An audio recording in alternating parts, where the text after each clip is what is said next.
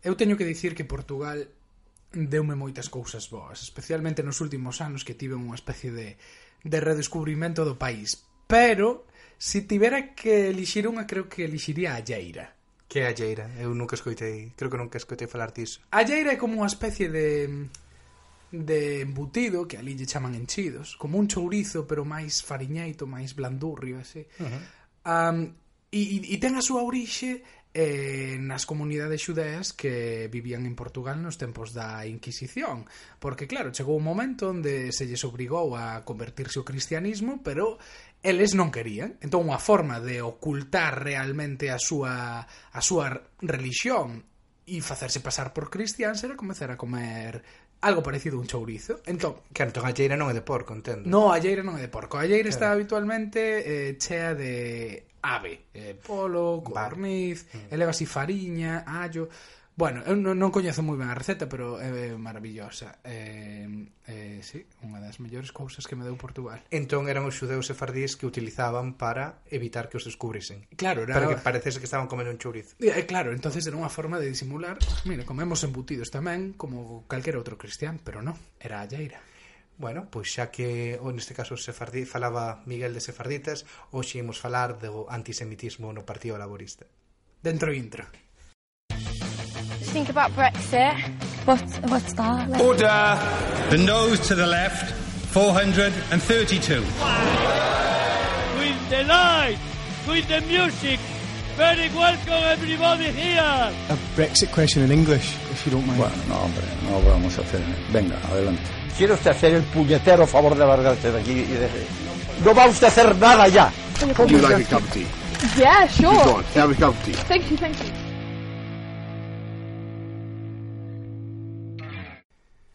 O Partido Laborista nos últimos meses ou incluso anos, ademais do Brexit, ten outro foco de conflicto interno, que é a cuestión do, do antisemitismo pois casos de militantes eh, de religión xudea ou de orixe xudeo que forman parte do partido e que denuncian pois sentirse discriminados ou atacados polo simple fe, o simple feito de, de ser xudeos. Todo comezou un pouco cando Jeremy Corbyn se convertiu en líder do, do partido, non é así? Eh, pois sí, quizás este este un conflito que, que, se, que vai ligado claramente co liderado de Jeremy Corbyn a fronte do partido mm, cando o election líder o Partido Laborista tiña en torno a 150.000 militantes agora ten ao redor de medio millón e dicir houve un influxo enorme de, de activistas que viñan de outra serie de movimentos, de movimentos sociais, de movimentos políticos, que viñan da, da esquerda radical. Miguel casi, casi se carga aquí un dos, dos nosos micrófonos. Todo morde. E, iso, militantes que viñan da, de movimentos sociais esquerda radical, e moi solidarios co, co cuestión eh, palestina, Mm. E aí sí que empe foi cando empezou a ver este aumento das denuncias de, de antisemitismo. Claro, pero época. en que consiste, que, que, que, que acontece dentro do partido para que se fale de, de antisemitismo? Que se denuncia? Pois denuncianse en moitas cousas de moito tipo. De, hai, hai infinidade de casos. Quizáis un dos un dos máis sonados foi cando se suspendeu a, a Ken Livingstone. Ken Livingstone foi alcalde de Londres antes de, de Boris Johnson durante dúas legislaturas e tamén unha vez máis nos, nos 80 Ken Livingstone é unha persoa moi vinculada coa esquerda laborista, é dicir, aliado de Corbyn, socialista, é moi solidario tamén coa causa, coa causa palestina, e unha vez nunha entrevista na, na BBC, penso que foi, dixo que o, o nazismo no período de entreguerras eh, estaba ou tiña un conversacións, algún tipo de acordo co, co sionismo, co movimento sionista naquela época para construir constituir o Estado de Israel porque os nazis non querían naquel momento, segundo Livingstone, acabar cos xudeus, senón que simplemente os querían fora de Europa. fora de Europa. Isto causou unha enorme conmoción, digamos, dentro do, do laborismo, moitísimas protestas contra contra Ken Livingstone, a comunidade xudea estaba furiosa, furiosísima, e acabou na suspensión neste caso de, de Ken Livingstone. Pero houve outros moitos máis casos e algúns que tamén afectaban a Corbyn eh, ao propio Corbyn eh, por exemplo cando nunhas declaracións dixo eh, se referiu a Hamas e a Hezbollah como, como amigos eh, que tiñan un e que xogaban un papel eh, en defensa da xustiza social, non? Como, sí, como foi eso? que buscaban uh, eh, a defensa da xustiza social e da paz dos seus países, dos palestinos, bueno. Claro, efectivamente. Por algo algo algo polémico, sí. sí. Eh, outra outro caso tamén moi sonado foi a suspensión de Jackie Walker. En este caso interesante porque Jackie Walker é un activista, esa sí que vendo vendo trotskismo, eh, que se afilou ao Partido Laborista a raíz de que Corbyn eh, chegase ao poder, era naquel momento dirixente de Momentum, Momentum era un grupo de presión pro Corbyn, era IE, un grupo de presión pro Corbyn, e eh, ela é xudea. Eh, pero nunha serie de comentarios en redes sociais, pois viña a dicir que os, ela eh, é xudea e negra eh, que os xudeus eh, os, seus antepa os antepasados xudeus financiaran o mercado de, de esclavos.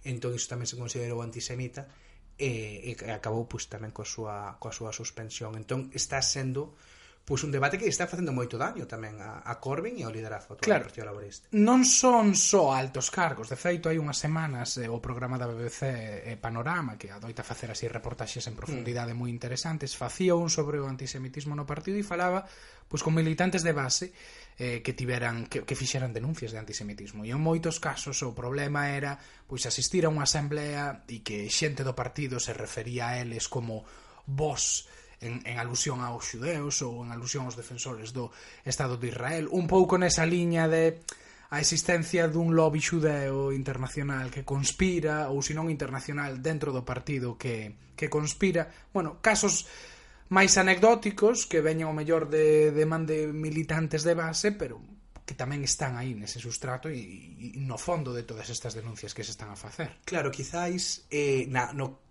nos casos xa de perfil máis baixo o que máis se ve son este tipo de, de teorías da conspiración, non? A esta idea de, de que existe un lobby xudeu que controla os medios, que controla a política, que controla que controla o, os poderes económicos, os gobernos.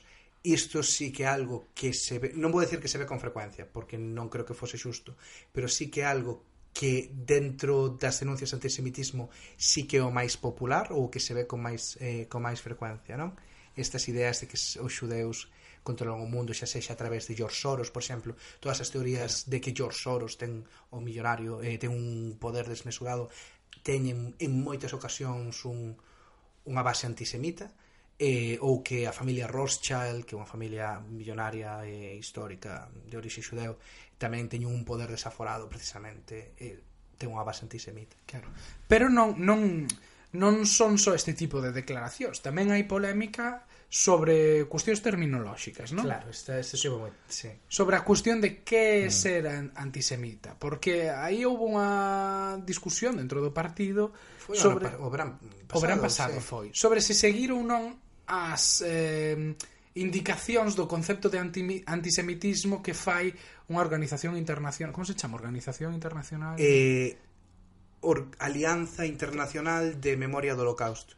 Claro, no que Eso aí Duarte que está coordenador pode ver a definición máis claramente, pero basicamente a polémica era que eles consideraban antisemita a todo aquel ou toda aquela organización que non estivera a favor do dereito da etnia xudea ou do povo mm. xudeo a constituirse en, est no sí. estado, en Estado, como é o Estado de Israel. Cito textualmente desde eh, da versión en portugués desta bueno, de, ah. desta definición que o Partido Laborista querían que, bueno, ao final acabou aceptando, pero que o Partido Laborista tiña que tiña que aceptar era un dos puntos e un dos puntos polémicos que a dirección de Corbyn non quería incluir era negar eh, que se considerase como antisemitismo negar ao povo xudeu o seu dereito a autodeterminación por exemplo, afirmando que a existencia do Estado de Israel é un emprendemento racista.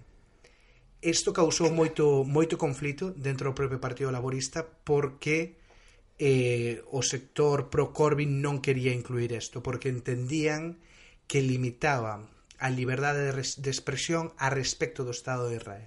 Claro, é que aí esa, esa é esa liña tan difusa entre o Estado de Israel e, e, e o que é ser xudeu ou a comunidade xudea. Claro, neste caso, por exemplo, hai que lembrar que o Estado de Israel constitucionalmente é un Estado xudeu. Claro. O cal eu entendo que haxa moita xente que non lle pareza que non lle pareza ben sin ter nada en contra dos xudeus nin secundar ningunha destas teorías da, da conspiración. Da conspiración, eh, sí. eh, eh, sería posible un Estado así na Unión Europea, por exemplo? Consideraríase democrático?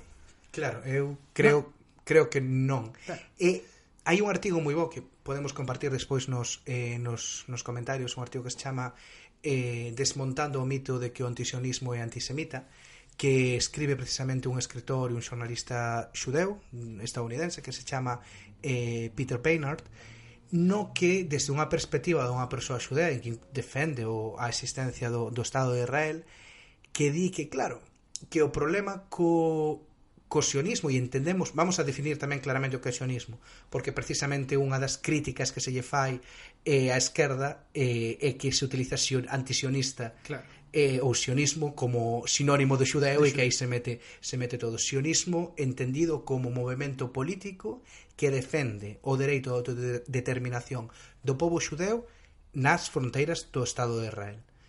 Eh, entendendo o sionismo como iso, este, este autor, Peter Weiner, o que decía, claro, que este concepto do sionismo parte dunha idea da nación e dunha idea do nacionalismo que ten base étnica. Claro.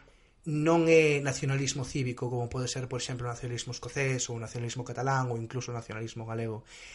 Non parte parte directamente da pertencia a unha etnia e o Estado de Israel, como ti dixetes, constitucionalmente defínese como un Estado xudeo E despois tamén teño unha, unha, unha liña maiores e de outras eh, etnias ou de, de outras persoas libres, uh -huh. pero a base que é o Estado xudeu. Claro.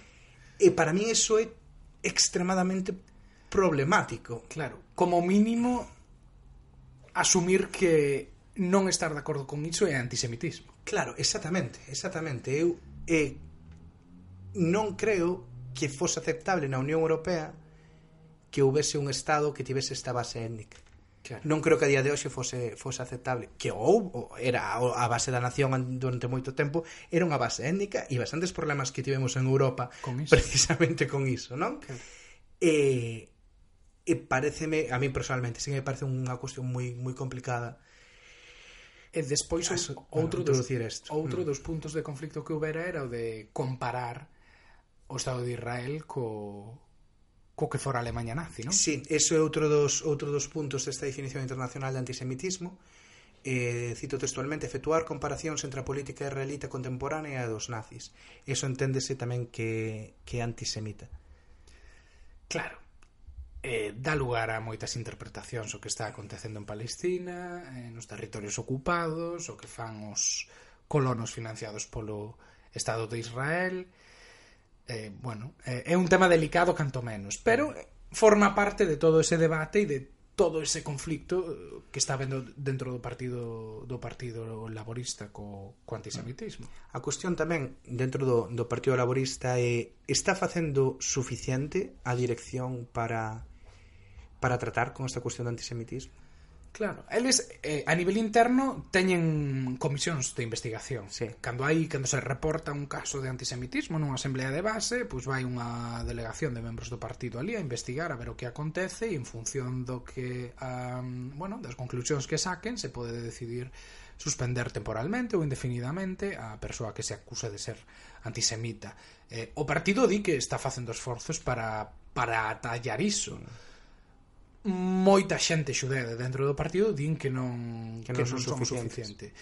De feito, e enlazando co que dicías antes de que lle estaba facendo moito dano interno, eh, altos cargos do partido, como o ex primeiro ministro Tony Blair, saliu na televisión recentemente mm. poñendo en dúbida que fora votar nas próximas eleccións ao Partido Laborista non sobre a súa posición do Brexit, senón sobre a xestión que estaba a facer do, da cuestión antisemita e dicía que se si non se lle puña solución por parte da dirección bueno, pois daba a entender que o mellor non votaba polo laborismo. Si. Sí, efectivamente, desde logo de todas as de todos os ataques que que recibiu Jeremy Corbyn desde que chegou ao liderado do Partido Laborista foron moitos, desde simpatizante terrorista, simpatizante do IRA, bolivariano, bolivariano que si, sí, eso é un clásico que... va que cruza fronteiras, eh, o que o de todos estes ataques o que verdadeiramente fixo dano foi o do o do antisemitismo. Eso sí que está causando causando moitos años e eu honestamente creo que non que non o están xestionando ben. Creo que creo que podían facer máis. Creo que podían ser máis rápidos a hora de facer procesos disciplinarios, expulsións eh, tamén eh, de, de, de, de, de elaborar programas eh, educativos e de concienciación sobre o que é antisemitismo uh -huh. e o que, e o que non é. Eh, e xenuinamente tamén vou dicir unha cousa. Sí que creo que na esquerda, e isto non é algo exclusivo do, do Reino Unido do Partido Laborista, hai un problema co, co antisemitismo. Uh -huh. Sí que, sí que o creo. E, e tamén e digo isto vindo dunha cultura política pois máis próxima pois ao que pode ser a esquerda a esquerda galega que tamén considero que ten moito de anti de antisemita. A mí eu cando comecei a ler sobre isto chamoume a atención ah, porque en Galiza, bueno, pues na esquerda e no nacionalismo a cuestión de Palestina está moi mm. presente e de Israel. E sí que me chamou a atención cando xurdían estes debates porque a veces reparabas en que certas expresións que usábamos mm. sí que podían entenderse como antisemitas, pero ali en Galiza sí que é certo que están normalizadas, pero claro.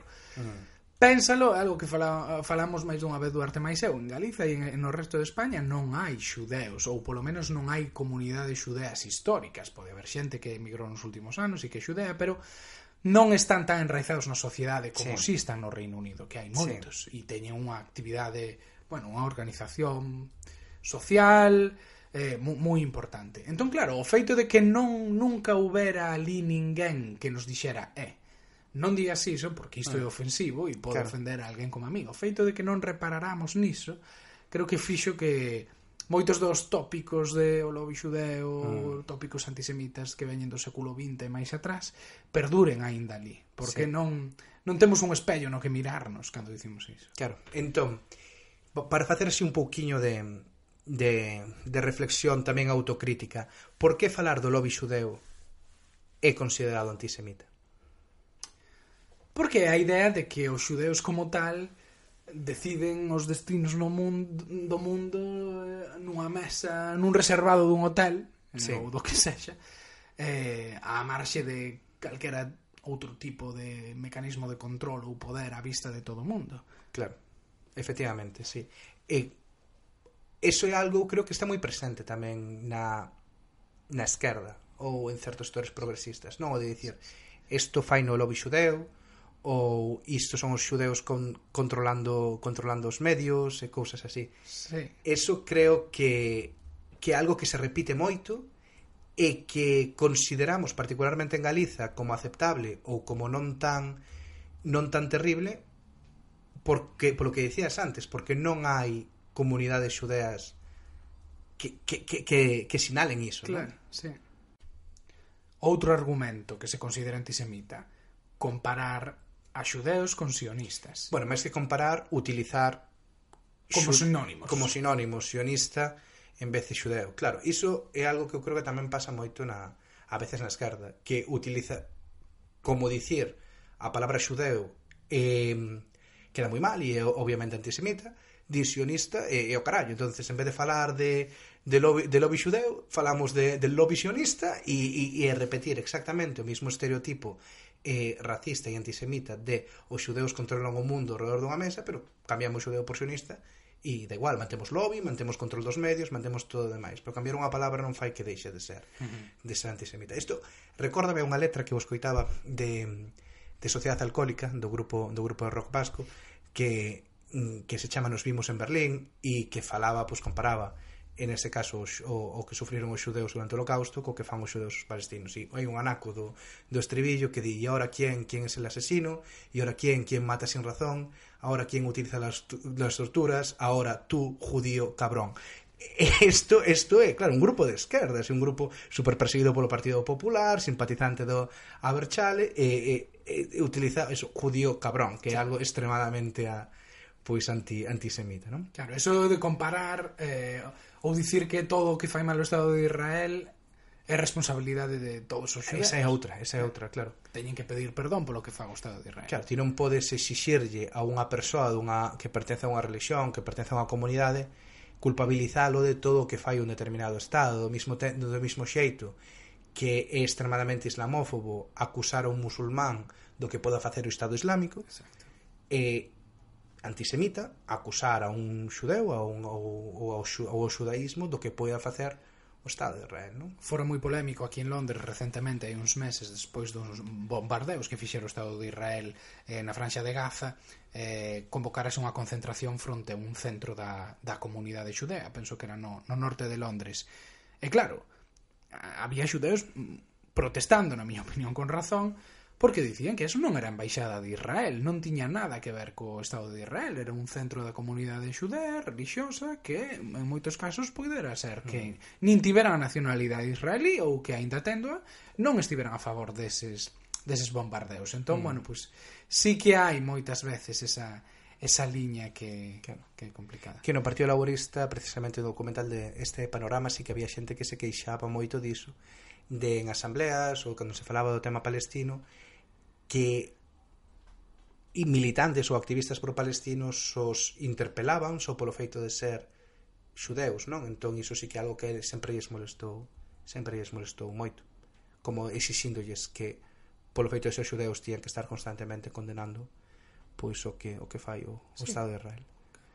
Bueno, que estou pensando que por isto que estamos dicindo van nos crujir en Galicia de, de mala maneira pode ser. Pero eh, que conclusión sacas entón de, de todo este debate respecto de antisemitismo e antisemitismo no Partido Laborista? Se tiveses así que resumir un pouquiño É complicado. Eu diría eh, un pouco na liña do que comentaches antes, que sí que é certo que, que existe o antisemitismo e sí que é certo que hai moito por facer para combatir este tipo de, bueno, de actitudes dentro do partido, pero tamén sí que creo que eh, por parte de certos sectores do laborismo contrarios a Corbyn estáse instrumentalizando um, para precisamente debilitalo. Non mm. só dentro do partido, sino a nivel mediático. Penso que o foco que se pon no antisemitismo no partido laborista por parte de moitos medios non é o mesmo que se pon uh, no partido conservador polos casos de islamofobia, por exemplo. Uh -huh. Totalmente de acordo, sí. Entón, bueno, penso que sí que sí que sí que é certo, pero que tamén de forma interesada eh, pois está está sendo unha, unha arma usada por, bueno, certos sectores. E ti? No, eu concordo eh, líneas xerais co, co que dis, co feito de non creo que o Partido Laborista sexa institucionalmente antisemita. Sí que creo que existe antisemitismo, sí que creo que se podería lidiar de xeito máis contundente por parte das das institucións eh, do partido pero creo que moito ten que ver cunha falta de, de educación e tamén o vexo no meu caso persoal, non? Que aprendí moito de, de antisemitismo precisamente ao, ao vir ao Reino Unido, convivir con outras culturas, pero ao mesmo xeito que aprendí moito de, de islamofobia ou de outras de outras culturas, ser máis respetuoso cando vives nun entorno tan multicultural como é, como é o Reino Unido. Eu creo que cun, cun debate máis franco e menos tóxico eh, se podría solucionar moitísimo, moitísimos máis problemas. E despois outra reflexión que viña no artigo que mencionabas mm. antes. Podes ser antisemita e estar a favor do Estado de Israel. Totalmente. Exemplo de Víctor Orbán en Hungría, sí. que está constantemente eh, facendo mención a George Soros, a influencia que ten, ao lobby xudeo e despois mm. diplomáticamente o principal aliado do Estado de Israel. Totalmente, claro, porque queren os xudeus en Israel e non en, e non en Europa. Entón non eso podese ser crítico co Estado de Israel e non antisemita e favorable ao Estado de Israel e antisemita, é dicir que son dous dous elementos claro. distintos e que non necesariamente ten que ser xunto. Tamén se pode ser antisemita e, e contrario ao Estado de Israel. Claro, como todo ou case todo nesta vida, non todo é blanco ou negro, efectivamente.